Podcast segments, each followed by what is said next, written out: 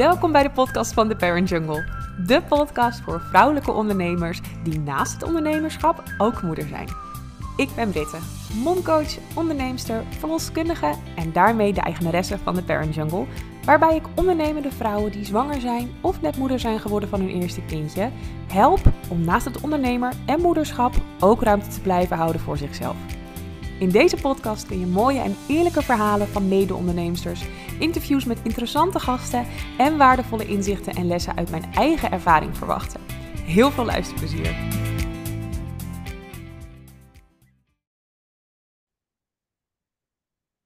Welkom bij weer een, nieuwe aflevering van de Parent Jungle. En ik heb vandaag weer een hele bijzondere gast uh, voor mij zitten op de computer. Uh, Aline Kiers, founder van Mom Co.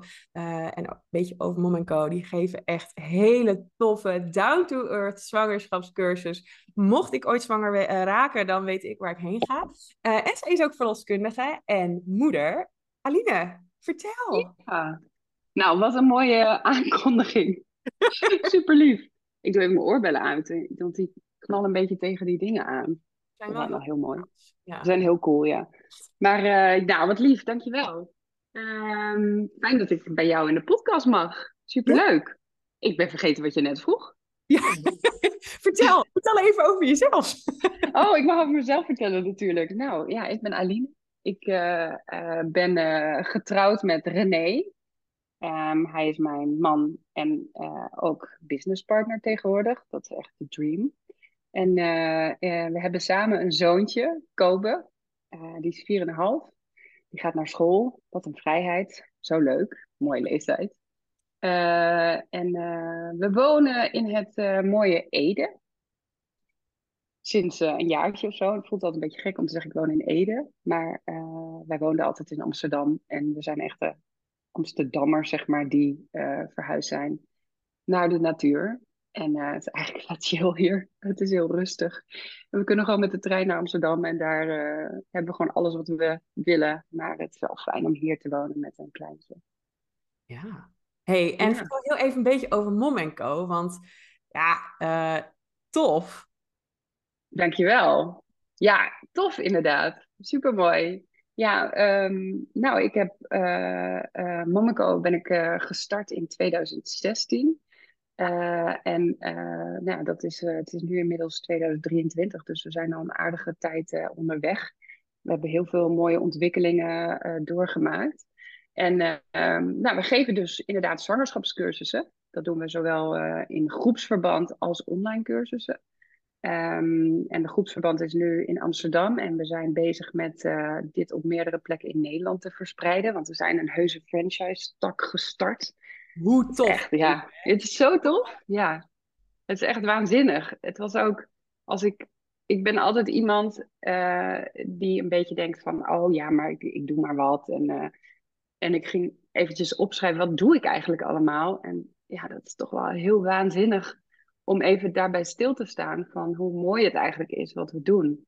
En hoe mooi team ik om me heen heb verzameld met mooie mensen, met wie we allemaal gewoon ja, heel, op een hele vrije manier kunnen werken. Dat vind ik zo belangrijk. Dat je blij bent in je werk en dat je vrij mag zijn in je werk. En dat bij ons uh, in het bedrijf super belangrijk. Um, ja, dus groepscursussen geven, online cursussen, franchise. We gaan een opleiding starten in juni voor verloskundigen, zodat ze een eigen Monaco-locatie kunnen gaan starten. Heel erg leuk om te doen. En we maken een podcast. Ja, uh, want eigenlijk ken ik jullie daar dus een beetje van. Ik luisterde altijd naar de, de Mom Co. en de Adem in, Adem uit podcast. Um, en heel eerlijk, deze podcast was ook wel een beetje geïnspireerd daardoor, daardoor met de ervaringsverhalen. En oh, heerlijk. Ja, maar dat is ook echt smullen, toch? Dit ja. wil je toch horen? Dat. Ja, ik heb het ook hoor. Wij begonnen met Adem in, Adem uit. Hebben we met Rolien Magedans gedaan. Die heeft u ook een hele leuke podcast. Hoeveel ben ik waard? En uh, wij, gingen, wij gingen gewoon geboorteverhalen delen. Dus mensen kwamen bij ons in de podcast vertellen over het moment dat ze verliefd werden op iemand. En hoe dan het hele traject ging naar de kinderwens. En dan de zwangerschap en dan de geboorte ja, dat is gewoon fantastisch. En we hebben geprobeerd zoveel mogelijk verschillende geboortes weer te geven. En we waren ook een van de eerste die daarmee begonnen. Toen was podcast nog maar heel erg uh, in de kinderschoenen. En uh, ja, dat, ja, dat was uh, binnen no time hadden we weet ik hoeveel luisteraars. Heel erg tof. En nu zijn we doorgegaan, want Roline ging haar eigen podcast maken. En toen zijn we doorgegaan met Mama Go, de podcast. En die maken samen met René, mijn man. En uh, ja, dat is ook super leuk om te doen. Het is niet werken. Überhaupt vind ik alles wat mijn werk is niet werken. Maar die podcast maken is gewoon een feestje, weet je. Dan komen je weer allemaal interessante mensen tegen. En dan is het gewoon heel gezellig gewoon in de microfoon lullen. Ja, I love it. Ik herken het inmiddels. Het is echt heel tof. Ja, en mensen hebben het gevoel dat ze bij je aan de keukentafel zitten. Nou, dat. Alsof ze echt een kijkje krijgen in ook het leven van een ander. En, en ja, of zoals we je kennen. Ik weet nog, dat zei ik net ook even. Ik ben Aline toen ik, ik luisterde de, die podcast altijd tijdens het hardlopen. En ik weet nog dat ik s'morgens de podcast luisterde. En toen kwam ik jou nog in de stad Amsterdam tegen. En ik weet nog dat ik echt een beetje soort van starstruck was. Ik dacht, oh mijn god, dit is het gezicht achter de stem. Terwijl, ja, weet je, we zijn gewoon mensen. Maar dat voelde ik toen echt, dat was heel bijzonder. Uh, alsof je iemand kent, maar ook weer niet of zo. Ja, het is echt, echt, uh, ik, vond het, ik vind het nog steeds zelf, nu ik het zelf ook doe, echt heel erg leuk. En ook heel verslavend trouwens, dat is echt een ding. Ja, hè? Ja, jij hebt ook vet veel afleveringen online. Ja, ik ben begonnen met twee afleveringen per week. Um, en dat was echt wel even werken. Maar ook omdat ik heel veel inspiratie had, heel graag wilde delen. En um, ja, daardoor groeit het ook heel snel. En, en ja, dat vind ik heel erg tof. Ben ik heel trots op. Ja, ja dan floot het ook gewoon. Ja. Hey, en want jij zei net even iets ook over vrijheid. Hoe belangrijk dat voor je was uh, in je werk, in je bedrijf. Waarom? Is gewoon een hele grote waarde. Ik denk dat het voor veel mensen een hele diepe persoonlijke waarde is om vrijheid te ervaren in je leven. Mhm. En dat wil ik ook. Ik wil zelf die vrijheid ervaren en ik wil ook dat de mensen om mij heen die vrijheid kunnen ervaren. En dat kan in kleine dingen liggen. Hè? Dat hoeft niet uh, te zijn dat je helemaal vrij kan leven. En wij hebben een leven gecreëerd, uh, mijn man en ik, waarin we, nou ja, door ook wel weinig vrij te kunnen zijn, zeg maar, wel nu beseffen hoe belangrijk die vrijheid is. En uh, ja, ik denk dat de mensen om mij heen, die mogen dat ook gewoon ervaren. Ja, waar ga ik eigenlijk heen? Nou ja, eigenlijk wat ik denk dat je heel mooi zegt, is, is hè, dat, um, want ik vroeg een beetje waarom die vrijheid, dus gaf je eigenlijk aan, ja, die vrijheid is, is heel belangrijk, maar wat is vrijheid dan voor jou? Vrijheid is um, kunnen doen passend bij hoe je je voelt op dat moment. Dus ik werk, of ik, ik hou best wel rekening met mijn met mijn cyclus, dus met mijn menstruatiecyclus. Tim. Uh, waar ik nu uh, in mijn ovulatietijd zit. Hey. Score. ja, maar ik kijk wel echt naar bepaalde dingen als ik dingen moet doen um, die uh, misschien wat uh, intensiever zijn voor mijn energie, dat ik die op de juiste momenten plan. En dat kan niet altijd, omdat we natuurlijk in een samenleving leven die daar niet op gestoeld is. Maar ik probeer dat wel te doen. En ik probeer dat ook aan mijn uh, collega's mee te geven. Weet je wel, dat als ik maar. Ik heb een periode achter de rug van een burn-out. Ik heb best wel veel meegemaakt de afgelopen tijd met de geboorte van een, een, zoontje bij 14 weken. Er is heel veel gebeurd in mijn leven. Uh, waarin ik heel erg heb ervaren dat ik op dat moment niet door moest gaan en keihard moest werken, maar dat ik op dat moment rust moest nemen en moest luisteren naar mezelf, want dat was het enige wat ik kon doen. En dit zijn natuurlijk allemaal grote dingen, maar daarin heb ik wel heel erg weer ervaren hoe belangrijk het is om um, ja, niet door te gaan, niet keihard te moeten, maar gewoon je fijn te voelen. En dat kan ook in werken. Ben je, word je s ochtends wakker en denk je, oh, ik heb geen energie. Nou, ga dan eerst lekker even sporten of even wandelen.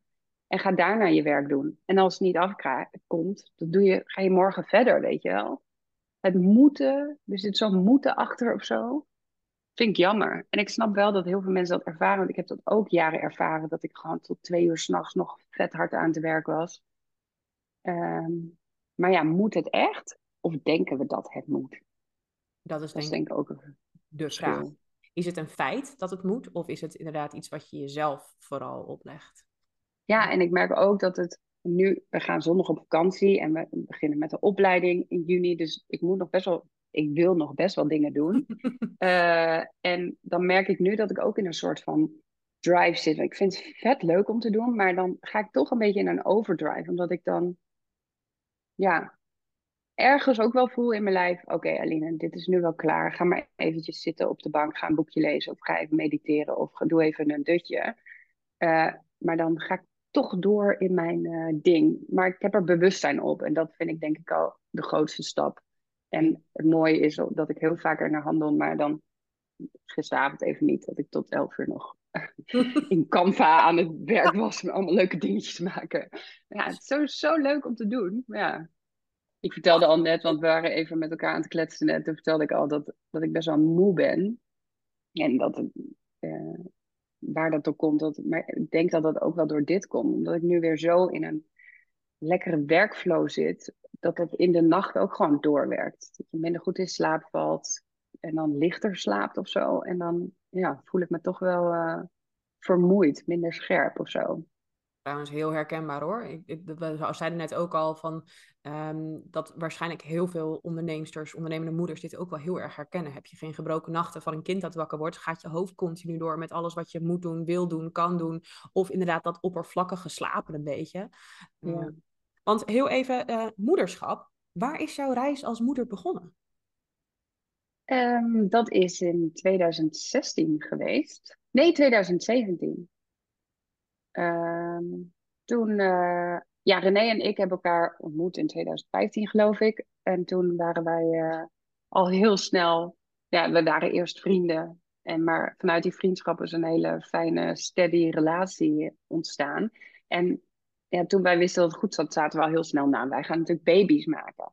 nou, we hebben eerst nog een hele fijne tijd gehad in Amsterdam met al onze vrienden, waarin we heel veel gefeest hebben en heel veel eh, plezier hebben ervaren. Um, dus toen was niet het moment, maar ineens was het wel het moment dat we dachten, oké, let's go. En dat was in 2017, um, ehm, in de zomer. Uh, en ik was, uh, ja, toen, toen ben ik zwanger geraakt.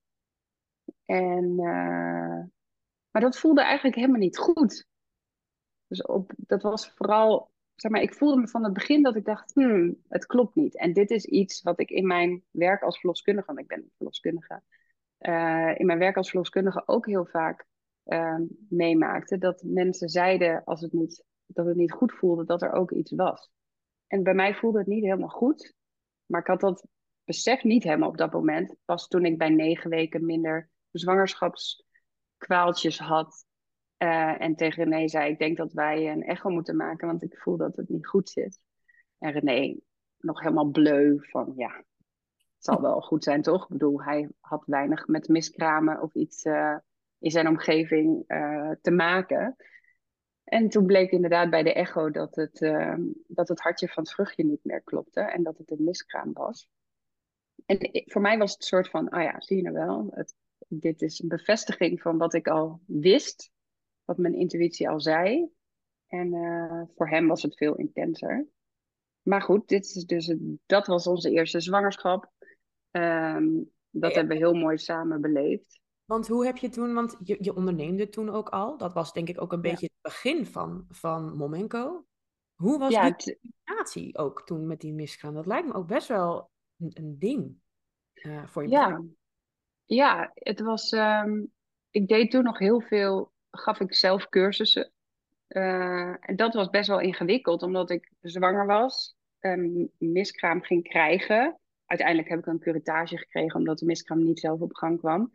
Maar ik moest, ik moest lesgeven met een, uh, een, een overleden vruchtje in mijn buik. Dat was wel heel gek.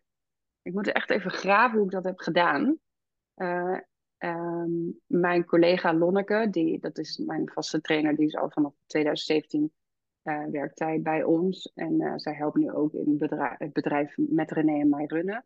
En ik, eh, in mijn gedachten, zeg maar, ik weet niet meer exact, maar heeft zij veel van mijn cursussen overgenomen. Um, zij sowieso, als ik over nadenk, de afgelopen jaar heeft zij heel vaak mij gered, zeg maar, op die manier. gered, gewoon geholpen, zodat ik niet voor de groep hoefde te staan. Maar um, ja, dus het was wel een beetje lastig van oké, maar wanneer, straks krijg ik ineens bloedverlies als ik aan het werk ben. Of en als je zwangere en partners lesgeeft in uh, uh, voorbereiding op de komst van een baby, ja, dan ja, het is niet iets wat je eventjes af kan zeggen. Hé, hey, ik kom vanavond niet. Dus dat is best wel uh, een puzzel geweest. Maar uiteindelijk heb ik een curatage gehad en was het dus planbaar. En, um, uh, ja, en rond die curatage heb ik niet gewerkt en uh, hebben anderen het overgenomen of zijn er dingen verplaatst. Um, ja. ja. En je zei net al, we zijn er heel mooi samen uitgekomen. Ja, ja. Kijk, ik heb het geluk dat ik een relatie heb die heel gelijkwaardig is. Met een super supportive man, weet je, die, uh, die mij ziet, die mij snapt, die zichzelf ook heel goed snapt. Uh, ja, dat is heel mooi om het samen te, samen te ervaren. En ik herinner me nog dat het heel mooi was dat uh, de familie zo meeleeft op zo'n moment, weet je. Want eerst ben je allemaal in blijde verwachting van een kindje. Er komt een kindje in ons gezin, in onze familie. En dan is dat ineens niet zo. Dat is, uh, ja, dat is heel erg verdrietig. En, maar ook heel erg verbindend. En um, ja, daar kijk ik dus wel ook positief op terug. En toen was ik, hoe oud ik nu? Ik ben nu 39. Nou, tel maar uit. Ik was jonger. ik ben heel goed in andere dingen dan rekenen. Um, maar um, ja, wij hadden niet het idee van, oh, nou, dan, dat lukt nooit meer of zo. Wij dachten gewoon, oké, nou, dit is niet gelukt. Um, en we zijn doorgegaan. En toen was ik ook uh, in uh, eh, 2018 was ik zwanger van Kobe. Dus een paar maanden later, in januari, weet ik nog, een vriend van ons was jarig, gaf zijn feestje. En toen was ik ook aan het overleren. Dus toen ben ik, uh, ben, dus, ben ik s'avonds na het feestje ben ik zwanger geraakt. Nice. ja, heel leuk. Goed feestje. En, uh, een goed feestje, ja. Ja, en mooi ook dat het, bij, dat het op de verjaardag was van die vriend. Want die vriend is degene de verbinding tussen René en mij. Dus het moest ook, moest ook allemaal zo zijn of zo. Dus, dat uh, echt een goed verhaal. Ja, best wel een goed verhaal eigenlijk. Daar heb ik helemaal, denk ik helemaal niet zo over na. Nou, Karsten, bedankt. het, is ook, het is de beste vriend van mijn man, dus het is, uh, ja, het is een mooi, mooi verhaal. Maar ja, toen, ja, ik was zwanger en toen voelde het dus goed. Ik wist dat het goed zat of zo. Het was echt anders. Echt een beetje dat of zo. Echt iets wat er dan oerachtig zit of zo. Ja, het is gewoon je intuïtie. En ik heb, want we hebben, ik ben dus net een paar maanden geleden bevallen van uh, onze zoon Flint. En die is bij 14 weken gekomen. En daar was het weer heel anders bij. Daar zullen we straks vast nog wel over hebben.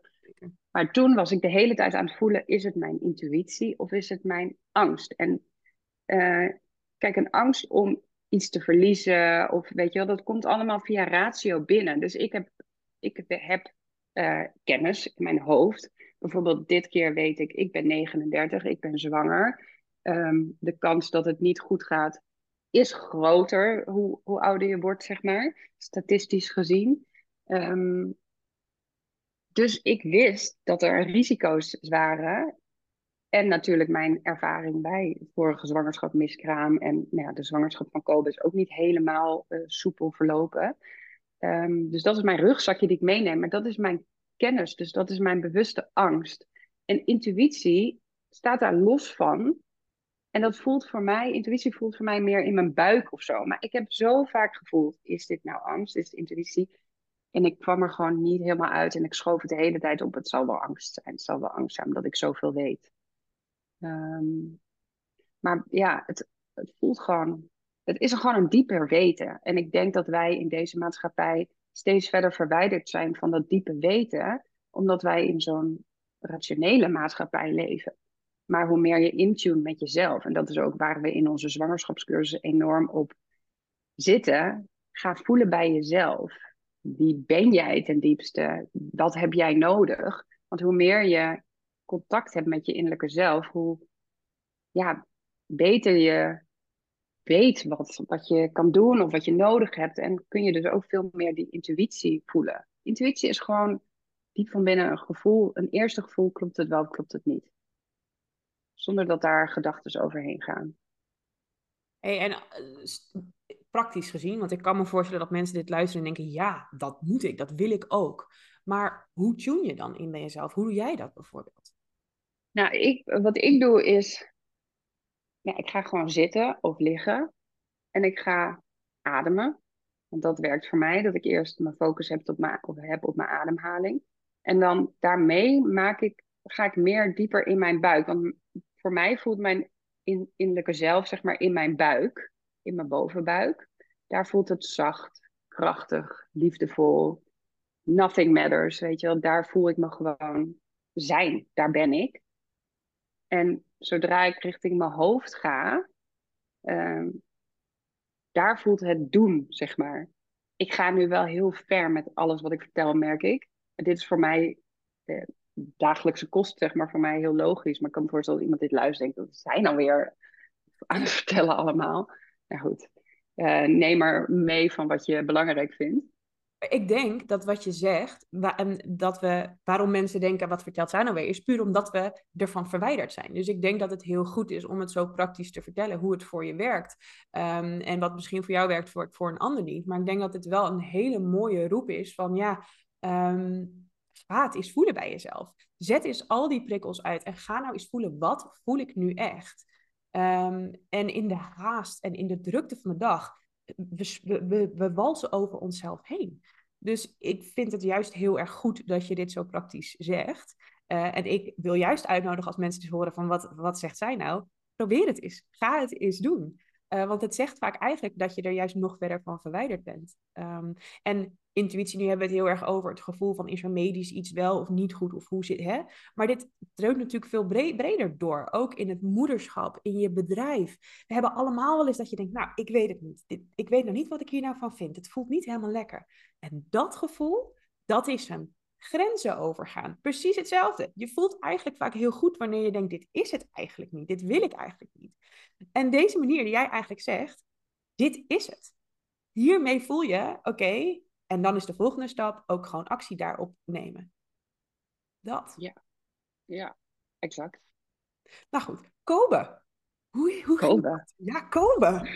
Ja, Kobe. Ja, ik, als, dus de zwangerschap voor Kobe was met uiteindelijk een curettage. Dus we hebben misoprostol, dat zijn van die pilletjes die je baarmoedermond zachter maken en hopelijk een miskraam opwekken.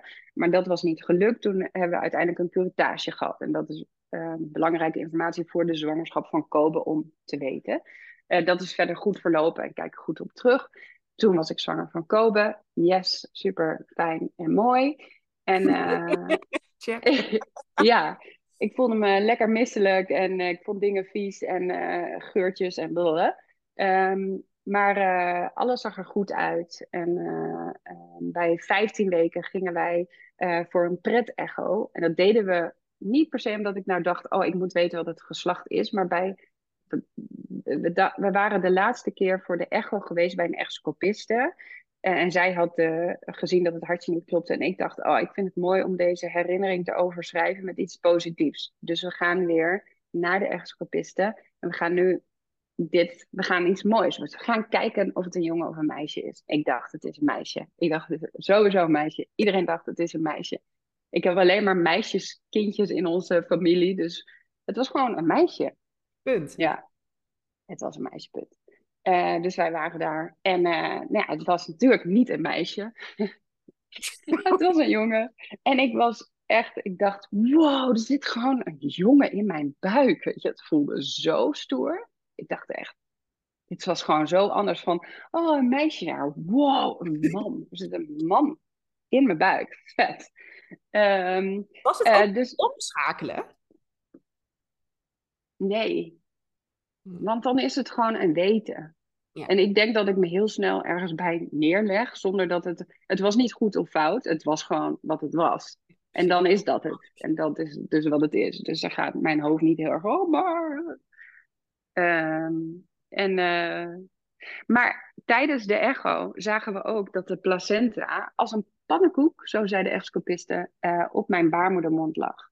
En dat betekent dat ik een placenta previa had. Nou is het erg vroeg om dat te zeggen bij 15 weken. Omdat heel veel vrouwen hebben hun placenta laag liggen bij 15 weken bij de baarmoedermond of er een stukje overheen. Maar omdat je baarmoedermond dus groeit naar boven toe, groeit die placenta mee naar boven toe. Um, dus die kans was er nog. Alleen de echoscopiste zei wel, hij ligt er echt plat bovenop. Uh, ja, niet super uh, gunstig, zeg maar. Want wat het een betekenis voor de, mensen die luisteren, als je een placenta previa hebt, betekent het dat zodra je baarmoedermond open gaat, is er een opening vanaf de placenta naar buiten toe. Dus je kunt bloedverlies daarvan krijgen. Dus je hebt meer risico op überhaupt bloedverlies tijdens een zwangerschap, maar ook veel meer risico op een vroeggeboorte. En je kan niet vaginaal bevallen. Nou, ik ben verloskundige. Ik begeleid mensen in, de komst, uh, in de komst naar hun baby. ik leer ze over vaginale geboortes, ook over keizersneden. Maar ja, ik wilde dat natuurlijk ervaren. Want hoe is dat om te bevallen? Maar um, ja, dat ze dit vertelde, dat nieuws viel een beetje soort van weg. Want hallo, er zat een jongen in mijn buik. Hoe vet is dit? Dus we zaten echt, het was een super mooie dag, weet ik nog. We gingen op het terras met vrienden en ja, ik ben zwanger van een zoon. En toen zaten we s'avonds zaten we thuis op de bank en toen kwamen de tranen. Want toen realiseerde ik mij, hé, hey, maar hallo, ik ben 15 weken en de placenta ligt op de baarmoedermond. Wat betekent dit allemaal wel niet? Uh, en dan was nog niet eens denken aan, oh, ik krijg een keizersnede, ik, mag niet ik kan niet vaginaal bevallen. Nee, maar wat als ons kindje helemaal niet, um, wat als die te vroeg gaat komen? Wat als we helemaal niet uh, uh, richting die 40 weken gaan? En dat besef kwam toen pas. En toen uh, belde een verloskundige vriendinnetje van mij van de verloskundige Amsterdam-Zuid, waar ik heel lang heb gewerkt die belde om te vertellen van hé, hey, maar dit is helemaal niet, uh, helemaal niet eindstadium te zijn. Hè? Dit uh, kan gewoon optrekken. Toen dacht ik, ja, lief dat je het zegt. Maar van binnen wist ik ook wel dat het niet ging gebeuren. Ja, toen. Kijk, ik ben iemand die best wel heel erg uh, positieve van dingen ziet. dus ik kijk hier ook echt positief terug op de zwangerschap. En ik denk dat ik daardoor ook misschien een beetje heb weggeduwd hoe ik het heb ervaren de zwangerschap. Maar als ik nu terugkijk naar de zwangerschap, denk ik wel, ja, we, hebben, we zaten echt in de medische molen. We waren veel in het ziekenhuis, moesten echo's. Uh, ik mocht niks doen, we konden niet naar het buitenland, we konden niet ver van een ziekenhuis af. Ja, als je gaat bloeden, dan kan het ook zijn dat je echt gaat bloeden. En dat is voor mij gevaarlijk en voor de baby gevaarlijk. Dus we zaten, waren best wel een beetje, ja, het wereldje werd wat kleiner of zo. En ik mocht niet meer zoveel doen. Wat een onrust ook. Moet je, ik lijkt me heel naar als je denkt, ja, dat kan elk moment gebeuren, maar het kan ook niet dat ik bloed verlies. En het lijkt me ook wel heel veel continue op de achtergrond een soort onrust geven en een soort alarm de hele tijd. Dat je denkt, de hele tijd. Ja, ben, ben super alert geweest. Best wel. Uh, en voor iemand die heel graag heel veel doet en houdt van werken en bezig zijn, eh, was dat best wel. Uh, een omschakeling. Daar moest ik best wel mezelf in veranderen. En ik heb dan René, die dan zegt, nou, nu moet je echt kappen. Maar dat heeft hij echt wel een paar keer gewoon echt tegen mij moeten zeggen. Van, je gaat niet boodschappen doen en een boodschappentas tillen. Terwijl ik dacht, is twee minuutjes lopen. Kan toch wel even, joh, doe ik eventjes. Weet je, omdat ik ergens misschien ook wel intuïtief voelde van, ja, volgens mij zit het wel goed. Maar ja, rationeel en wat je op papier leest, zeg maar, theoretisch, ja, is een placenta previa, moet je gewoon rustig aan doen. Ik hoef niet op bed te liggen, maar ja, je moet jezelf niet overbelasten. Want als je bloedverlies gaat krijgen, ja, dan kun je gaan bevallen.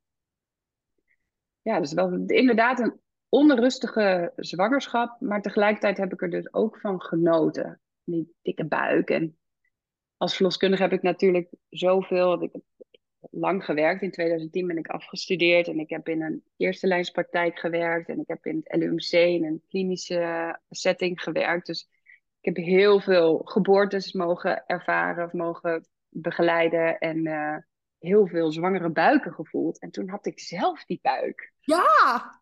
Waanzinnig. Echt zo bijzonder om die buik te voelen groeien. En dat gebeurt ook gewoon. En hoe vaak ik dan niet tegen René heb gezegd: nee, weet je hoe dit voelt, zo'n baby in je buik?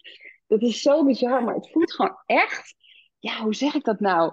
Alsof je, alsof er iets in je buik zit. Een soort, alsof er een baby in je buik zit. De hele tijd kwam ik daarop. Ja, dat is het ook. Maar ik zeg, ja, maar zo voelt het ook. Het is zo gek. Vond het zo vet om dat te ervaren en zwanger te zijn. En ik voelde me mooi. En ja, die rondingen, weet je wel, dat is gewoon zo bijzonder. En ook merkte ik dat toen ik zwanger was van Kobe, dat ik heel snel, ik denk nu weer terug aan, ik was een keer in de kruidvat. En iemand vroeg iets aan mij en er ging direct zo'n veersheid naartoe. Van, wat? hou op, stop met praten, weet je. Die, die kracht, die, die leeuw die in mij zat, die was ineens zo, die was daar zonder uh, nadenken. Ja, Hey, mooi. Wat ik nog wel even een heel interessante vraag vond. Want je zei net even van ja, weet je, ik moest rustig aandoen. En ik moest hè, iemand die continu veel werkt en dit en dat. Hoe deed je dat dan met je bedrijf? Want ik bedoel, uh, ja. Je moest ja, ik heb nog wel les gegeven, maar dan uh, ging ik uh, cursus geven en dan vertelde ik gewoon tegen de mensen: hey, partners, dat hebben we nu in onze lessen, dat ik dat tegen elke docent zeg maar die bij ons les geeft. Zet iedereen aan het werk help zelf eventjes met de stoelen weer terugzetten. Help eventjes met de, uh, de bekers en zo in de keuken zetten, weet je wel. Ondersteun mij. Ehm, en ik zat gewoon op een stoel. Ja, in plaats van dat ik energiek en ik, ja, ik ben een energiek persoon en ik sta veel energie, uh, met veel energie voor een groep. Maar zittend kan ik ook heel veel energie uh, brengen. En dat ging ook prima. En daarnaast ben ik dus veel meer verloskundigen gaan opleiden die onze cursussen geven. Dus ik ben begonnen zelf de cursus te geven, maar al snel kwamen er meer verloskundigen bij uh, die mij gingen helpen. Dus iedereen had zo zijn eigen groepen en ik ging steeds minder en minder lesgeven. Dus op een gegeven moment deed ik één keer per week of zo, waar ik eerst uh, zo drie, vier keer per week les gaf. Hoe deed ik dat? Als ik daar nu over nadenk, hoe deed ik dat? Uh, maar goed, ik heb dat gedaan. Naast het runnen van de business. Want uh, ik bedoel, uh, kijk, veel mensen in het begin zeggen: ja, maar je geeft toch een zwangerschapscursus? Ja, maar het is niet alleen een zwangerschapscursus geven. Dat is het minste werk. Alles wat daar omheen komt, wat daarbij komt kijken, dat is veel groter. Maar goed, daar ben ik steeds meer, en dat kan natuurlijk achter mijn laptop. Dus dat ben ik steeds meer gaan doen. Gewoon veel meer de focus op het uh, ondernemen in plaats van op het werken in mijn business. Dat is een hele belangrijke, denk ik, zeker voor mensen die een groeiende business hebben, om niet meer in je bedrijf te gaan werken, maar aan je bedrijf te gaan werken. Um, want dan ga je stappen maken. En dat, dat gaf mij dus, dat, dat is ook weer terugkomend op die vrijheid. Dat geeft mij die vrijheid. Ik zit niet vast aan, ik moet uh, dan of dan daar zijn. Ik kan gewoon opstaan, mijn ding doen en gewoon kijken wat de dag mij brengt. En doen wat, wat ik kan doen. En dat heb ik toen ook gedaan. En ik weet nog dat het super mooi weer was. Ik woonde in Amsterdam-Oost, bij de Javastraat. En dat is überhaupt een fantastisch stuk van Amsterdam. Super gezellig. Alle cafeetjes en zo. En ik zat daar, ging met mijn, mijn laptopje naar Hartje Oost. Of met mijn laptopje naar Wolters. En iedereen kende mij. En dan kwam ik met mijn dikke buik. En dat was gewoon heel, uh, heel vrij heel fijn. Heb ik echt van genoten. Dicht bij huis, maar wel toch vrijheid ervaren. Hey, en, en als we het dan over vrijheid hebben, op een gegeven moment ging je ook met verlof? Of ben je gewoon doorgegaan achter de schermen? ja, hoe mensen met verlof gaan. Ik zeg altijd tegen iedereen die zwanger is: kies, kies nou voor jezelf. Ga nou echt doen wat je. Je mag, weet je, nu mag het. Nu mag je gewoon genieten van die buik en voor jezelf kiezen. Ik denk überhaupt dat de moederschap of het ouderschap een van de grootste transities is in het leven. En dat begint al met überhaupt de kinderwens. Omdat je dan al andere keuzes gaat maken. Niet alleen maar voor jezelf, maar dus ook voor de baby of voor hoe je levensstijl is. Um, wat vroeg je nou ook weer? Hoe je dat met verlof deed. Ben je met verlof? Oh, ja, met verlof. Ja, verlof. Ja. uh, ja, met verlof. Ik had het geluk dat uh, uh, uh, Roos, dat is, mijn, uh, is een oud collega van mij, uh, die, dus die had cursus bij mij gevolgd. En zij stuurde mij een mailtje toen ik, toen was ik twintig weken zwanger of zo. En toen dacht ik echt, oh nee, hoe ga ik dit doen met verlof? Wie gaat dan mijn bedrijf runnen? En ik dacht echt, ik heb geen idee. En dat was s'avonds, kwam ik volgens mij terug van een les. En ik dacht echt, hoe moet ik dit doen? En toen de volgende ochtend open mijn laptop en er stond een mailtje van Roos. Ik ga direct met de deur in huis vallen ik wil bij jou werken. En toen dacht ik, halleluja, universum, bedankt. Dit is exact wat ik nodig had. En dat was ook exact wat ik nodig had. Dus um, ja, we hadden direct een goede klik. En zij heeft, uh, ja, zij heeft uh, toen in mijn verlof heeft zij het bedrijf kunnen opvangen. De, het bedrijfsmatige deel van het bedrijf heeft zij uh, kunnen ondervangen. En dat was echt ja, heel fijn. Waardoor ik dus ook echt ja, ik bedoel, ik heb wel denk ik tot een week of 38 gewoon dingetjes gedaan. Maar dan wel thuis op de bank met mijn laptopje en uh, niet actief meer dingen. Ik was, was er niet meer, zeg maar. Maar ja, Roos die kwam altijd bij mij en dan gingen we overleggen. En uh, ook nog in de tijd dat Kobe geboren was. Zij kwam gewoon bij mij en even een update. En misschien moet ik, want ja, ze werkte ook nog maar kort bij mij, dus ze wist ook niet alles. Uh, maar ik heb wel het gevoel dat ik verlof heb gehad. Een beetje. En, maar ik herinner me ook dat ik twee namen, maanden na, mijn geboorte, na de geboorte van Kobe alweer zat te kolven op de praktijk, omdat ik dan een les ging geven. Ja, daar denk ik nu echt van, ho hoezo, hoezo deed ik dat eigenlijk? Dat zou ik niet meer nog een keer doen. Ah ja, laten we uh, naar gaan kijken. Want hoe was die tijd na, na de bevalling? Hoe was het om opeens een mensje erbij te hebben? Ja, dat was wel. Uh, ja, ik vond het eigenlijk best wel makkelijk.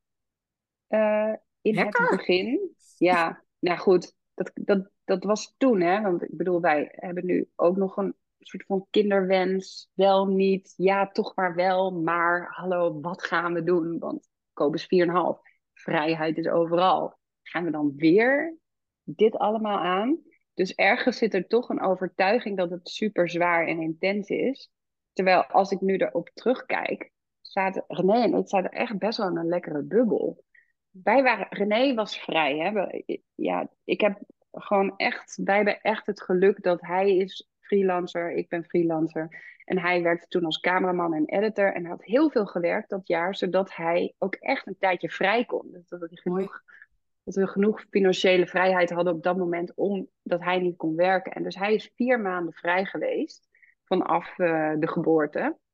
Was en dat was zo waardevol.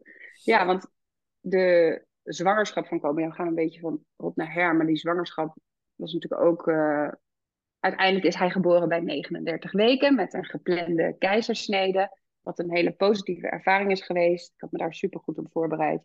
Uh, en er werd goed naar mij geluisterd. Maar ik had ook een fluxus, dus ik had te veel bloed verloren, wat helemaal past bij de placenta previa. Maar uh, daardoor moest ik wel goed herstellen. Dus ik had een laag uh, eh, HB.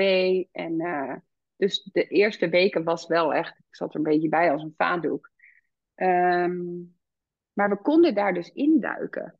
Dus we hebben gewoon van onze slaapkamer een holletje gemaakt. En ja, eerst hadden we, ja, überhaupt, Kobe, Kobe's kamer was aan de andere kant van het huis wonen. In een appartementje met twee slaapkamers. Maar zijn slaapkamer was precies aan de andere kant van het huis dan onze slaapkamer. Daar stond die commode met luiers en zo. Nou, wie dat heeft bedacht, dat je je commode op een andere kamer dan je eigen slaapkamer moet zetten echt iedereen die dit luistert en in verwachting is, ja, of een baby hebt, zet die commode op je eigen kamer. Want dat is niet wat je wil. Uh, je wil gewoon s'nachts, als je iets moet met de baby, wil je dat direct kunnen doen naast je bed. En niet allemaal dingen moeten doen. Dus dat hebben we gedaan. Het was echt een holletje. Het was vet knus met zo'n zoutlampje. En het was heel fijn en uh, we hadden best wel, uh, ja, ook wel uh, een netwerk, zeg maar, mensen die ons ondersteunden. En ja, dat hebben we best wel positief ervaren. Rustig. Goede start hebben we gehad. Oh ja, ik zit er. Nou, dit merk ik dus aan mijn hoofd dat ik moe ben. Dat ik gewoon, gewoon hele zwarte gaten heb. Dat had ik ook tijdens de zwangerschap van Kobe. Maar dan ben ik aan het praten en dan weet ik niet meer waar ik naartoe moet. Dat is de laatste tijd wel meer. Um, of tenminste, sinds de zwangerschap van Kobe is dat meer. Maar, uh, um, nou weet ik het weer niet. Help me out. Dit is echt bizar. Zo, maar, heb je dat ook wel eens? Dat ik gewoon, ik, ik moest een woord bedenken. Ik kom niet op het woord. Ik ga gewoon synoniemen bedenken voor het woord, zodat ik maar op het woord kom. Het is gewoon ja, Ik heb de laatste gewoon een zin begin en dan halfwege de zin stop. En dat iedereen me aankijkt van, joh, goh, ga je nog afmaken? Dat ik denk, Oh ja, moet nog wat afmaken. Het brein, het werkt gewoon niet. Maar ja, dat is toch ook een teken, weet je wel. Waarom zitten we zo de hele tijd in dat brein? Ga zakken in dat lichaam. In die, want daar, daar voelt het heel stromend en fijn en rustig. En in mijn brein is het overuren. Gewoon blackout. Maar wacht, Wat vroeg je ook weer? Zag je, oh, twee maanden later, dus eigenlijk hebben we een hele goede start gehad. Maar toch begon je weer met werken? Ik ging weer werken, ja. En ik was dus al aan het werk gewoon bedrijfsmatig wel. Gewoon door te overleggen en dingetjes. Oh, ik moet eventjes factuurtjes of dit. Ehm, maar toen ben ik ook echt weer les gaan geven. En dat, is, uh, dat vond ik wel intensief. Want dan moet je je weer verhouden tot andere mensen. Uh, en dat is iets wat. Uh, ik, ben ook best wel. Ik kom best wel over als een extra, extrovert persoon, maar ik ben best wel introvert. En ik vind contact maken met mensen heel makkelijk, maar het kost me soms ook veel energie. En ja, als, het, als je al minder energie hebt, want je bent bevallen en je slaapt weinig en dan ook nog zo'n groep dragen, ja, dat vond ik wel heel intens. Waarom ben je weer begonnen dan? In mijn beleving was het dan al twee, drie maanden. Maar waarom? Dat weet ik niet. ja, dat is gewoon. Ik denk dat heel veel vrouwelijke ondernemers daar zitten, omdat je denkt, ja, ja, kan en ik vind het ook wel leuk. En uh, het is ook gewoon wat ik doe. Je identificeert jezelf, denk ik, ook snel met, met mijn bedrijf, in mijn geval dan. Dat, ja, Mam en Co, dat, dat is mijn kindje, dat ben ik. Het is belangrijk voor mij. Ik doe dat met mijn grootste passie en mijn grootste liefde. En uh, dus ik doe dat gewoon. Dat is mijn identiteit. Maar dat is niet zo. Maar dat, dat heb ik toen wel gedaan. En ik zou daar nu andere keuzes in maken. Dus als wij nog een kindje mogen krijgen, dan uh, wil ik mezelf wel een afspraak met mezelf gaan maken. En ik denk dat ik dat dan ook bewust moet doen van tevoren samen met René. We maken een afspraak, we gaan, ik, wat, dit, dit is wat we gaan doen en niet eerder. Ik denk dat dat wel belangrijk is. Misschien kun je zelf, door dat bewust van tevoren met jezelf af te spreken, daar veel meer grens in trekken, zodat je niet al veel te snel iets gaat doen. En ik zeg niet dat het verkeerd is wat ik heb gedaan. Want dat was op dat moment wat goed voelde en wat ik heb gedaan. Maar op dit moment in mijn leven zou ik andere keuzes maken. En ik bedoel, het is nu ook 4,5 jaar later. Dus ik heb ook veel meer geleerd in deze tijd. Ik bedoel, hallo, het ouderschap is de grootste les in mijn leven. Uh, want ik krijg alle spiegels voorgehouden die er maar zijn.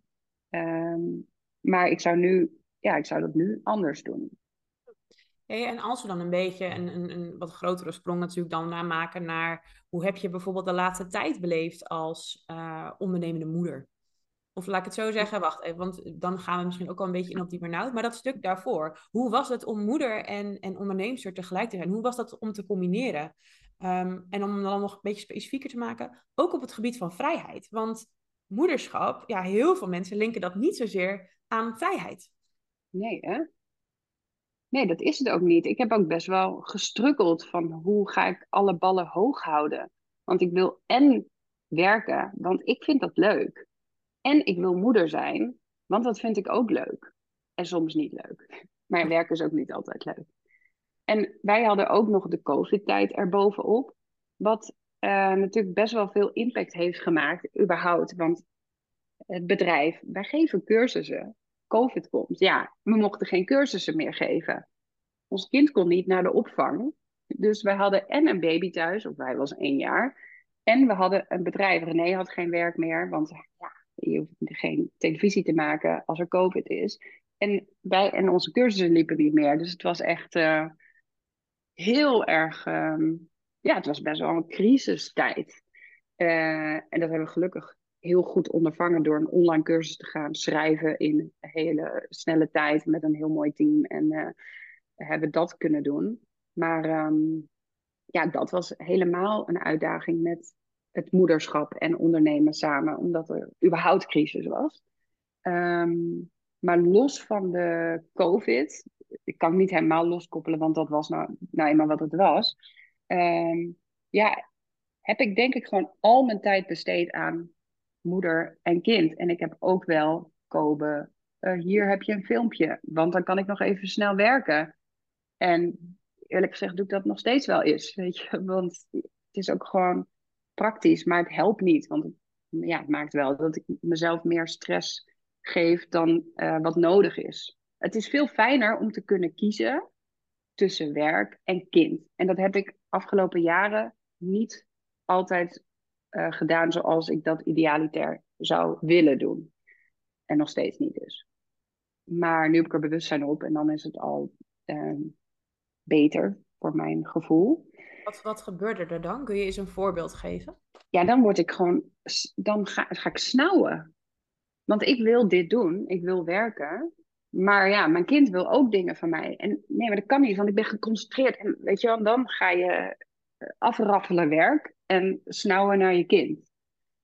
Ja, en ik, uh, ja, ik kan dan direct sorry zeggen. En uh, het, is, het is mama, mama is nu aan het werk. En dat is ook helemaal niet goed voor mij, want ik wil ook met jou zijn. En nu krijg jij niet alle aandacht.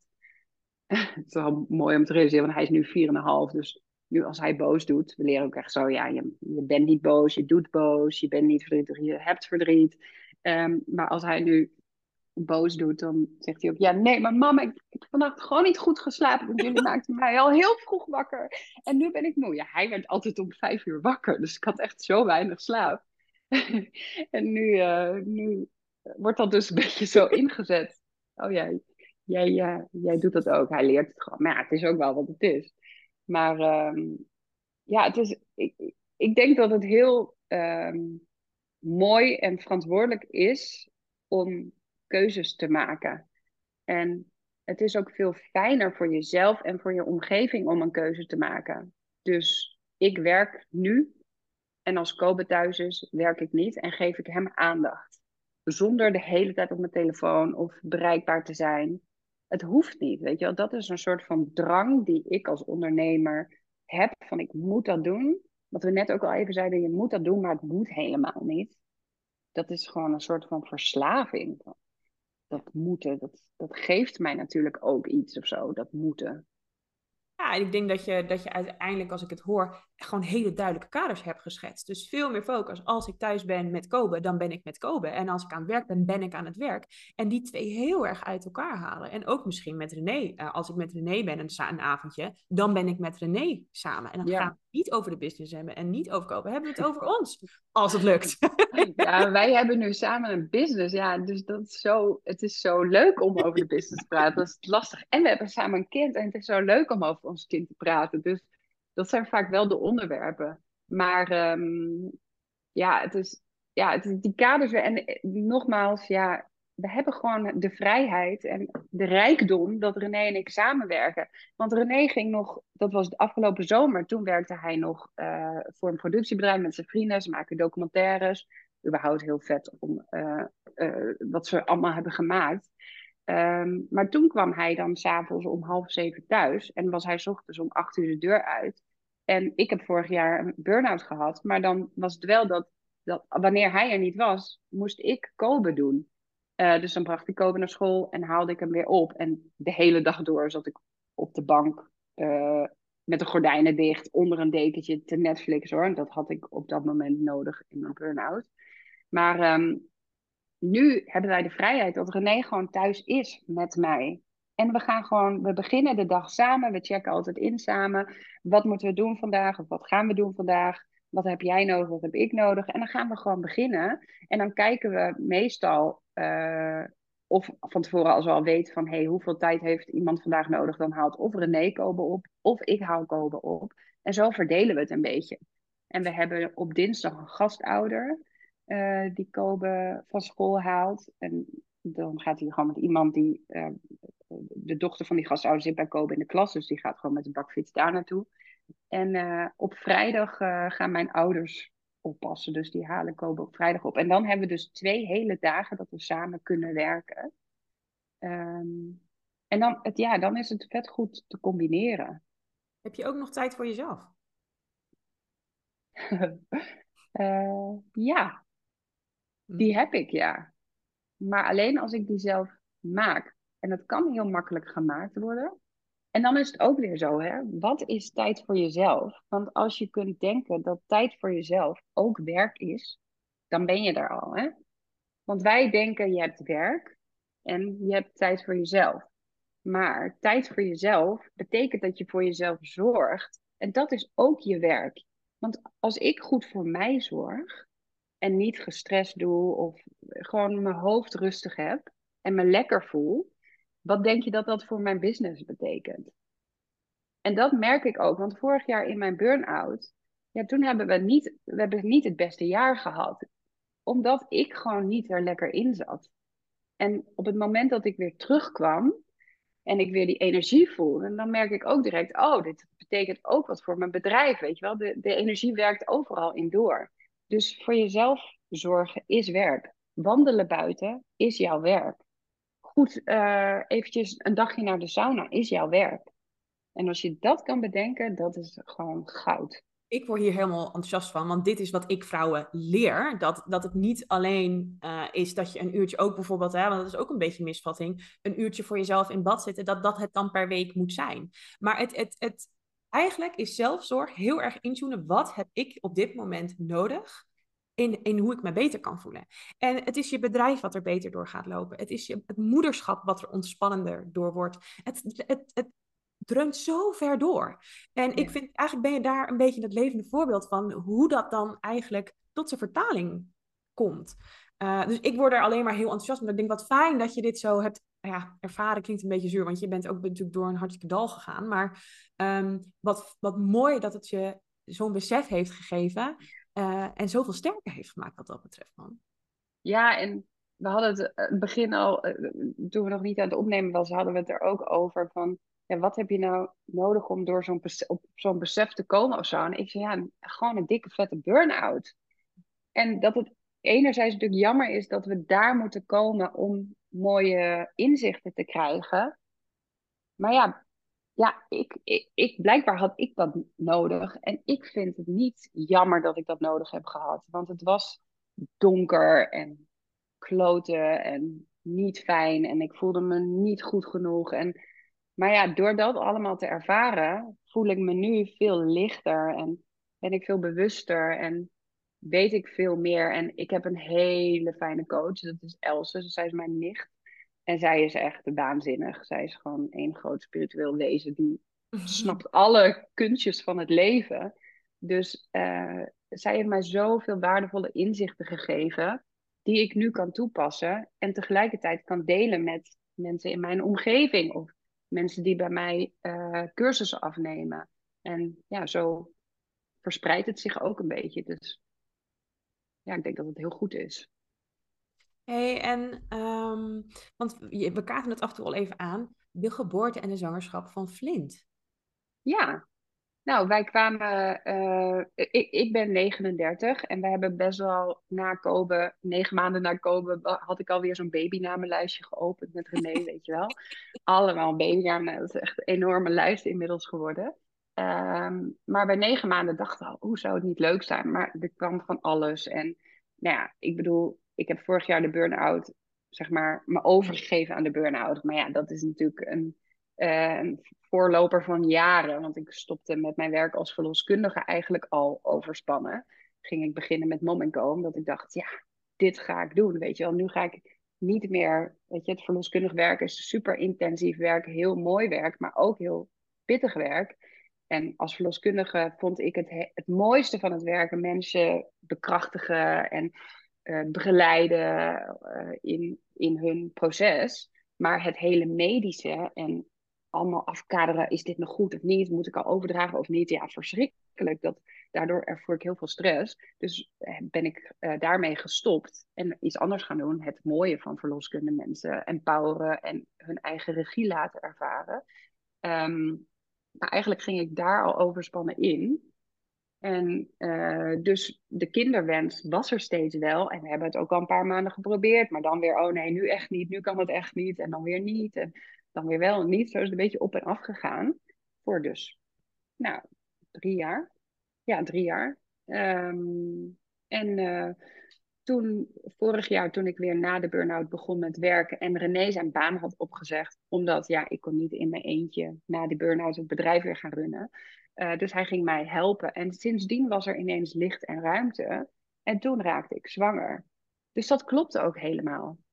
Um, het was echt zo, hè, hè, Ik heb echt een half uur met die zwangerschapstest gedaan, want ik deed hem gewoon. Zo, ik had al zoveel testjes gedaan van, nou ja, dan weet ik in ieder geval dat ik niet zwanger ben. Zo ging ik erin. En ik stond met een tandenborstel in mijn mond en ik zag dat testje en ik zei, wat de bak? Oh my god! Er zit een baby in mijn buik. Hoe kan dat? Ja, natuurlijk, hoe kan het? Ik weet het wel, maar hoe dan? En René kwam net zo die trap oplopen. En hij keek naar mij met mijn tanden. What the fuck? Hij zei, wat laat je nou zien? Heb je nou twee tandenborstels? Een tandenborstel of een zwangerschapstest in je mond? Wat doe je nou? En toen ook echt... Uh... Maar toen hebben we direct al uitgesproken naar elkaar. Wij gaan dit met vertrouwen doen. We gaan dit kindje... We gaan aan de zijlijn staan van de, van de marathon van dit kind. En let's go, we got you, weet je wel. Dat is heel, dat heb ik van mijn zussen ooit geleerd. Dat zij, uh, zij deed dat mijn zussen überhaupt een hele grote inspiratie. Door haar ben ik eigenlijk ook dit bedrijf begonnen. Want er zit hypnobirthing in. En zij had de zwangerschap van haar eerste dochter heeft ze met hypnobirthing voorbereid. En ik zag dat en ik dacht, mind is blown. Dit is vet, dit moet iedereen weten. Zij is een HR-manager die volledig altijd de controle moet hebben. En dat prima is. Maar in de geboorte was zij een volledige overgave van het proces, omdat zij uh, zo in controle was door zich zo goed voor te bereiden. Nou ja, dat is de basis van wat ik doe nu met Mom Co. Maar um, zij heeft mij dus geleerd, je moet dus aan de zijlijn staan met een spandoek van go baby, je kan dit. En dat, dat hebben we ook uitgesproken naar elkaar. Terwijl ik toen al wel de angst voelde. Weet je wel? Dus angst, intuïtie, angst, intuïtie. Ik weet het niet. Maar um, ja, ik ben 39. Dus bij zes weken heb ik al de verloskundige gebeld. We hebben hier in Ede zaten bij een, een uh, caseload verloskundige. Dus iemand die uh, alleen werkt en heel veel tijd heeft. En dat is super fijn. Um, en de echo was goed. Ik oh, oké. Nou, even bevestiging. We gaan een paar dagen lekker. Een week later, hmm, ik voel me ik voel weer de onzekerheid. Ja, hoe komt dat nou? Weer een echo. Toen hadden we de intake, dus toen kregen we sowieso een echo. En nou, oké, weer goed. Oké, nou, dan is het goed. En toen uiteindelijk de termijn-echo. En het was weer goed. Maar ik dacht bij de termijn-echo, in hindsight zeg maar, achteraf gezien, dacht ik niet, oh, wat een levendigheid springt er hier van, die echo, van het echobeeld af, weet je wel. Ik dacht, yes, this is alive. Terwijl er was gewoon een bewegende baby, maar ik voelde dat niet zo. Maar toch gerustgesteld. En toen gingen we bij, ik had net de NIT uh, bloedafname gehad bij 12,5 weken of zo. Het was zo net na kerst allemaal, tussen kerst en oud en nieuw werd alles gepland. En toen hadden wij, uh, volgens mij was dat op 29 december 2022, hadden we de 13 weken echo. En ik weet nog dat we daarheen gingen, best blij, we hadden oppas. Uh, en we gingen daarna, zouden we dan lekker in Arnhem, lekker uh, naar de bios gaan, lekker eten ergens, whatever. En uh, toen we daar naar binnen liepen in het echocentrum, toen zei René tegen mij, hé, hey, maar je voelt je wel oké hierover, toch? Het is niet iets waarvan je denkt, oh, het is niet goed of zo. En toen zei ik, nee, ja, bedoel, het is wel een echo waarbij we gaan kijken of iets niet goed is. Maar nee, het is wel goed. Maar toch ergens een soort van, hmm. En toen waren we daar super lieve. En uh, we gingen, ik ging op de, uh, uh, op de het echo of op de, de, bank liggen. En ze zei direct al van, volgens mij iets van, ik zie, ik zie direct al iets wat, wat niet goed is. En toen was het ineens zo, en ik was afgestompt of zo. Ik dacht, dit is niet goed. En ik zag het. En ik zag een heel grote vochtblaas om ons kindje heen. En ik dacht, ja, dit is gewoon niet goed. En René, die zat echt zo, ik kneep in René's hand. En hij echt zo, wat, fuck, wat is er nou, weet je wel? Ja, wat, wat zijn we, is niet goed? Wat is er niet goed dan? Dus hij werd een beetje bozig en ik was een soort van gelaten blanco. En um, ja, toen, ja, het was niet goed. En uh, toen gingen we naar huis. En we zaten eerst nog in de auto. Nee, we gingen niet naar huis, want we hadden oppas. We zaten in de auto. Echt, wat moeten we nu, wat gaan we nou doen? Wat is dit nou? Um, en toen kwamen ook heel veel tranen. En, uh, ja, ga je dan. Het ging ook weer helemaal terug naar de eerste miskraam met Kobe. Iedereen was blij. We waren twaalf weken, toen waren we negen weken. En nu ineens is het weer niet goed, mag je weer iedereen gaan bellen. Het is niet goed. En ik probeerde mijn moeder te bellen, maar ja, dat lukte niet. Dus nee, heeft dat gedaan. Ik kan alleen, kon alleen maar huilen. Ja, bizar. En um, heel verdrietig. En ook tegelijkertijd hoe René en ik omgaan met dingen is... Ja, dit is het dus gewoon. Het is niet goed. En we kregen vrij vlot daarna de uitslag van de NIPT-test, die zoals verwacht, we hadden verwacht ook met het echobeeld, was niet goed. En uh, toen zijn we naar de Radboud in het Nijmegen geweest. En daar hebben we een vlokkentest ge gedaan. En uh, daaruit bleek inderdaad dat ons kindje trisomie 13 had. En dat is een, niet met een leven verenigbare uh, aandoening. Dus ja, dat, ja, dat was het. Het was wat het was. En die, ik vond die echo in het Radboud ook heel helend hoor. Want de echo bij de twaalf weken zag ik alleen maar een ziek kindje. En bij uh, dertien weken toen we nog een keer keken, toen zag ik... Hé, hey, maar dit is ons kindje. Dat is het broertje of zusje van Kobe. En toen zag ik, dat het was zo helend. Ik zag hem bewegen en ik voelde toen heel veel levendigheid. En liefde voor hem. Dus daar ben ik heel dankbaar voor dat we dat uh, hebben mogen ervaren. Waardoor kwam, en, uh, ja, dan... weet jij waardoor, Sorry? die, waardoor kwam die shift, dat dat toen anders voelde, weet je dat? Ja, gewoon, ik denk gewoon dat ik met een andere blik keek. Dus eerst keek ik naar een echobeeld waarvan ik verwacht had dat ik dat beeld zou zien. Een positief beeld, een bewegend kindje. En ik zag een kindje wat in mijn ja, beleving gewoon helemaal niet goed was. Weet je? Ik zag alles wat niet goed was eraan. En toen daarna, toen, het was al zo. Dus toen kon ik ook ruimte hebben voor wat is er wel mooi, weet je wel? In plaats van, oh, het is allemaal niet goed, ik wil het niet. Naar, oké, maar dit is ook mijn kind, weet je? Dit is, heel, dit is er ook een, er zit leven in dit kindje. En uh, ja, het is geen gezond kindje, maar kijk hem nou bewegen en spelen in mijn buik. Ik voelde heel veel plezier. Dat is ook echt hoe ik terugdenk aan Flint. Plezier en verbinding. En dat is ook echt wat hij ons heeft gebracht. Plezier, verbinding en liefde. Want ja, blijkbaar was hij, had hij niet in een fysiek lichaam hier op aarde moeten zijn.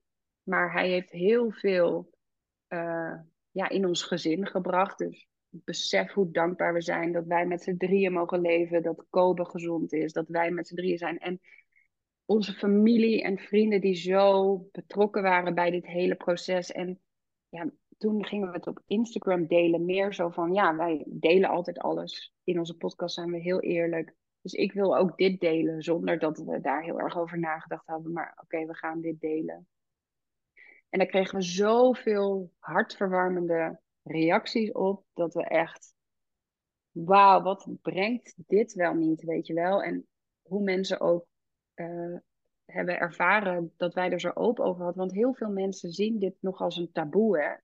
Eh, miskraam is vaak een taboe. Een ongezonde baby dus hebben, daar praat je niet over. Terwijl, ja, wel erover praten, weet je wel. En dit is misschien hoe ik het doe, maar het helpt zo om te delen en je te laten dragen door anderen. Want dat hoort gewoon bij het hele rouwproces. En ik denk dat doordat wij zo open met elkaar zijn en open met onze omgeving, dat we daardoor het ook ja, echt als een hele positieve, heel positief hebben ervaren. Los van dat het pijnlijk is en kut is en dat je dit niet wil, is het ook gewoon goed. En is dit dus, dit is wat het is geweest. Zo. Het klinkt ook heel, wel, heel erg als een, een soort rollercoaster waar je ook wel heel erg in hebt gezeten. Echt dat Mega. Op. Je mag joh. Soms per dag Woem, woem. Ik weet nog dat de gynaecoloog die belde met de uitslag van het vlokkentest. En ze zei, wil je ook nog weten wat het geslacht is? Ik zei, ja. En ik dacht, het is weer een meisje. ik dacht, weer, het is een meisje. En uh, nee, het is een jongen. En toen weer dat gevoel, wauw. Ik heb een jongen in mijn buik. Wow, het was echt een cadeau om te horen dat het een zoon was. En ik denk twee uur later, tranen met tuiten. Weet je wel, ik, ik raakte weer geëmotioneerd van. Want dit, ja, ineens was het de het broertje van Kobe die doodging. Het broertje van onze zoon, weet je wel. We hadden gewoon twee zoons moeten hebben of zo. En dat, uh, dat mocht niet zo zijn. En uh, dat is oké. Maar toen was er ruimte en dat vond ik heel fijn om gewoon. Kobe en René waren naar de speeltuin toe, geloof ik toen. En toen huilen, huilen. Ik heb echt zo vanuit mijn tenen gehuild. En het was zo fijn om te doen. Ja, bijzonder. intens. Hoe heeft Kobe dit? eh, hoe hebben jullie Kobe Ja. betrokken? Ja, dat was ook wel. Ik weet niet of we dat goed hebben gedaan, maar we hebben het gedaan zoals we het hebben gedaan. Want toen ik zwanger was, toen hebben we het eigenlijk Kobe direct de volgende dag al verteld. En ja, hij wordt grote broer. Ik wil niet dat de eerst de wereld het weet en dan pas hij. Terwijl zijn besef is natuurlijk een beetje anders. Het eerste wat hij zei, nee, nu gaan jullie alleen nog maar aandacht aan hem, aan de baby geven en niet meer aan mij. Dat is nog steeds een groot ding overigens. Maar goed, Jacobe heeft alles mee moeten maken. En het heeft best wel impact op hem gehad. En we hebben het heel erg in verbinding gedaan. En ik had het ook niet anders willen doen. Maar ja, er was ineens een, er was een baby in mijn buik. En mijn buik begon al te groeien. Ik was 14 weken dat ik ben bevallen. Ehm, maar ehm, er, kwam, de baby is doodgegaan. Ja, dan heb je het over leven en doodgaan. Ben je vier, weet je wel? Een baby, een broertje of zusje. Oh, eh, ja, dus we proberen hem wel echt actief erbij te betrekken, maar het moet er geen overload zijn, want hij vindt, wil er ook heel vaak niet over praten. Dus nu heb ik het vaak, ik breng hem vaak naar bed s'avonds en dan heb je even zo'n fijn moment. En dan eh, vraag ik vaak van waar ben je dankbaar voor? En dan soms stip ik nog heel even aan eh, dat Flint zijn broertje is, weet je wel, gewoon om gewoon eh, heel even dat bewustzijn dat hij er ook is. Flint is ook in ons leven. Ehm, maar ja, hoe doe je dat weet je, met een kind? Weet je wel? Geen idee. Het is zo moeilijk. Nou ja, je begon ook je antwoord met: Ik weet niet of ik het goed heb gedaan. En toen dacht ik: Ja, nou ja, is daar wel een goede manier voor? Ik denk dat als ik jou hoor zeggen: We hebben het heel hard vanuit verbinding, we willen geen overload, we hebben het in zijn tempo gedaan. Ik denk dat je niet heel veel meer dan dat kunt doen. Nee, dat, dat kan ook niet. Nee. Ja, en bij alles, ik bedoel, überhaupt, het hele leven is natuurlijk één grote, doe ik het wel goed, I don't care. Maar het boeit ook niet of je het goed doet. Want ja, het is helemaal niet belangrijk of je het goed doet. Je hoeft alleen maar te leven en plezier te maken. En eh, al tien keer op je bek gaan en dan weer tien keer niet op je bek gaan. En dit is het leven. En dat is met Kobe ook zo. En ja, Kobe groeit in een heel liefdevol gezin op. Eh, dus die eh, gaat hier niets aan overhouden. Maar ja, het is wel intens voor hem geweest. Maar dit is dus gewoon wat het leven ons bracht. Op dit moment in ons leven. Hey, en en ehm, ja, om dan toch een beetje de link naar het ondernemen te trekken. Ja, tuurlijk. Hoe is dat gegaan met, het, eh, met je onderneming en, en het bedrijf en het verlies van Flint? Is, dat, is er iets Ja. veranderd ook? Mm. Nou, ik denk dat ehm, het terugkomen na de burn-out, daar is eigenlijk alles mee veranderd. Daarin hebben we meer neergezet. En het was altijd al een bedrijf waarin vrijheid, blijheid was. Maar nu heb ik echt vrijheid, blijheid, maar wel in verbinding en samen en open en eerlijke communicatie. En, ehm, en ik denk dat dat gewoon doorgevloeid is. En het is natuurlijk lastig, want in dit gesprek ook gaan we de hele tijd van zwangerschap naar moederschap, naar bedrijf. En dat is logisch, want mijn bedrijf is zwangerschap en ouderschap. Dus alles wat ik in mijn leven ervaar, eh, is gemixt met mijn bedrijf. Het is helemaal door elkaar gewikkeld. En dat is ook wel met dit, weet je wel. Ja, natuurlijk, wij hebben een podcastaflevering over onze ervaring met Flint opgenomen. Ja, dat gebeurt er ook weer veel in mijn bedrijf mee. Ehm, ja, dus het heeft alles impact. En, maar wel goed. Als in, natuurlijk zijn er dingen ook niet chill geweest. En eh, ik bedoel, het is niet allemaal leuk, helemaal niet zelfs.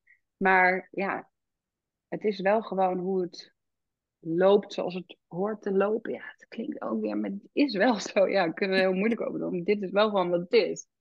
Ik leerde hier super veel van, weet je wel. Hoeveel lieve collega's ik heb, weet je wel. Lonneke, die echt goud is, die er altijd voor ons is. Die dus nu ook, vanaf dit jaar, ook actief het bedrijf met ons gaat runnen. In plaats van alleen trainer te zijn, weet je wel. Want zij voelt veel meer met van ja, maar dit is gewoon ja, dit is ook wat ik wil. Ja, dat is ja, super verbindend. Mooi, zacht. Veel vrouwelijke energie hebben we in ons bedrijf. Ja, dat is ook niet gek met wat we doen. Maar ja, René zit er ook bij. Maar en René is wel echt een man met ook veel vrouwelijke energie. Die alles snapt en helemaal erin meegaat. Ja, het is, ehm, ja, het is denk ik allemaal heel zacht. maar ook plezier. Ja, dat neem ik vooral mee van die tijd. Dat plezier maken gewoon mag, weet je wel. Gewoon lekker dansen en, uh, en voel je je niet goed. Ik voel me nu goed, hè. We hebben het over gehad over die cyclus. Ik zit in mijn ovulatietijd. Dan is het goed, weet je wel. Terwijl toen na de geboorte van Flint, hormonaal, dat had ik me niet gerealiseerd, was het heel intens. Want bedoel, je bent gewoon een kraamvrouw. En ik kreeg weer een cyclus.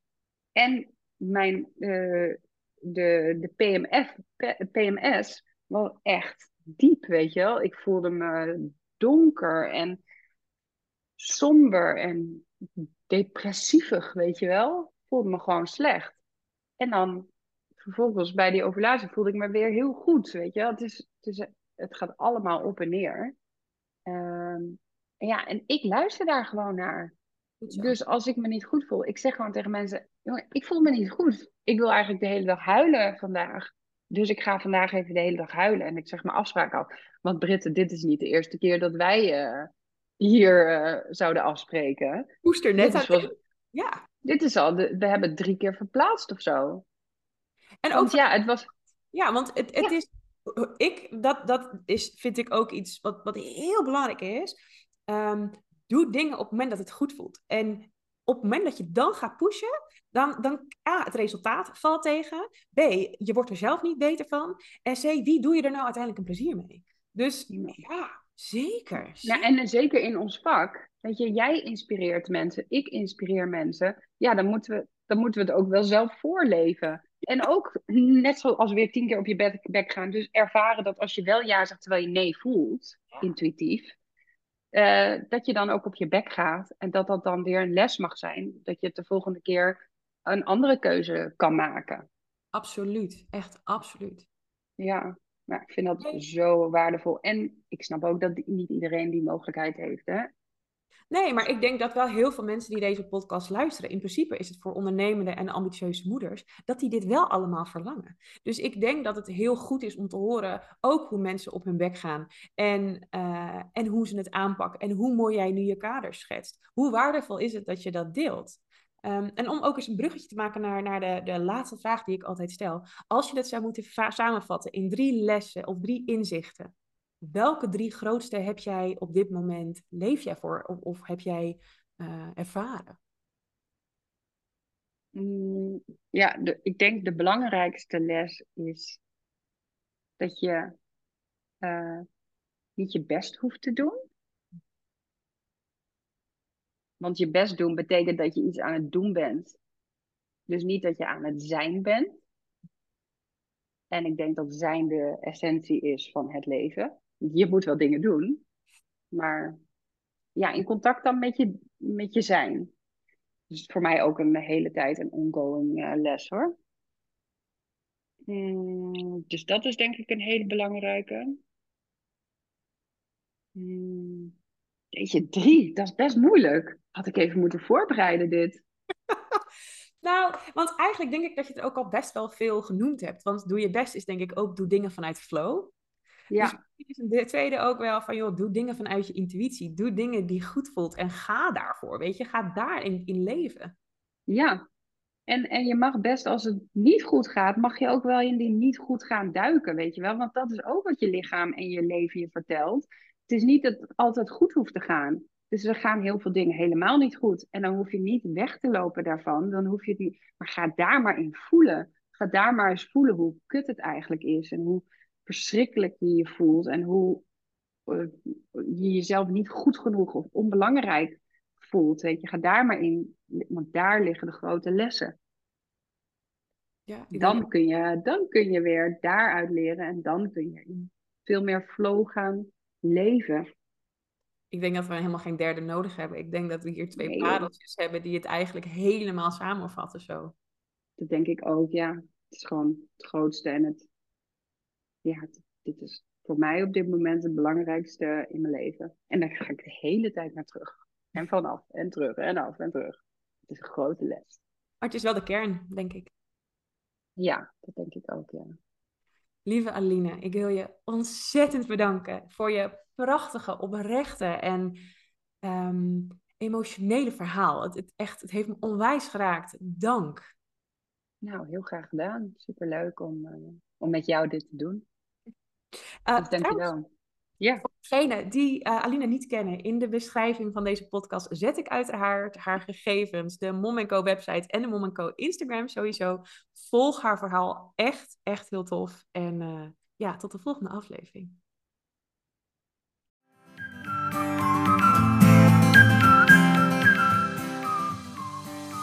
Bedankt voor het luisteren naar deze aflevering. Ik ben natuurlijk heel benieuwd hoe je het vond, dus laat vooral een reactie of een review achter. Daar help je mij mee, maar ook andere zwangeren of moeders die op zoek zijn naar een interessante podcast.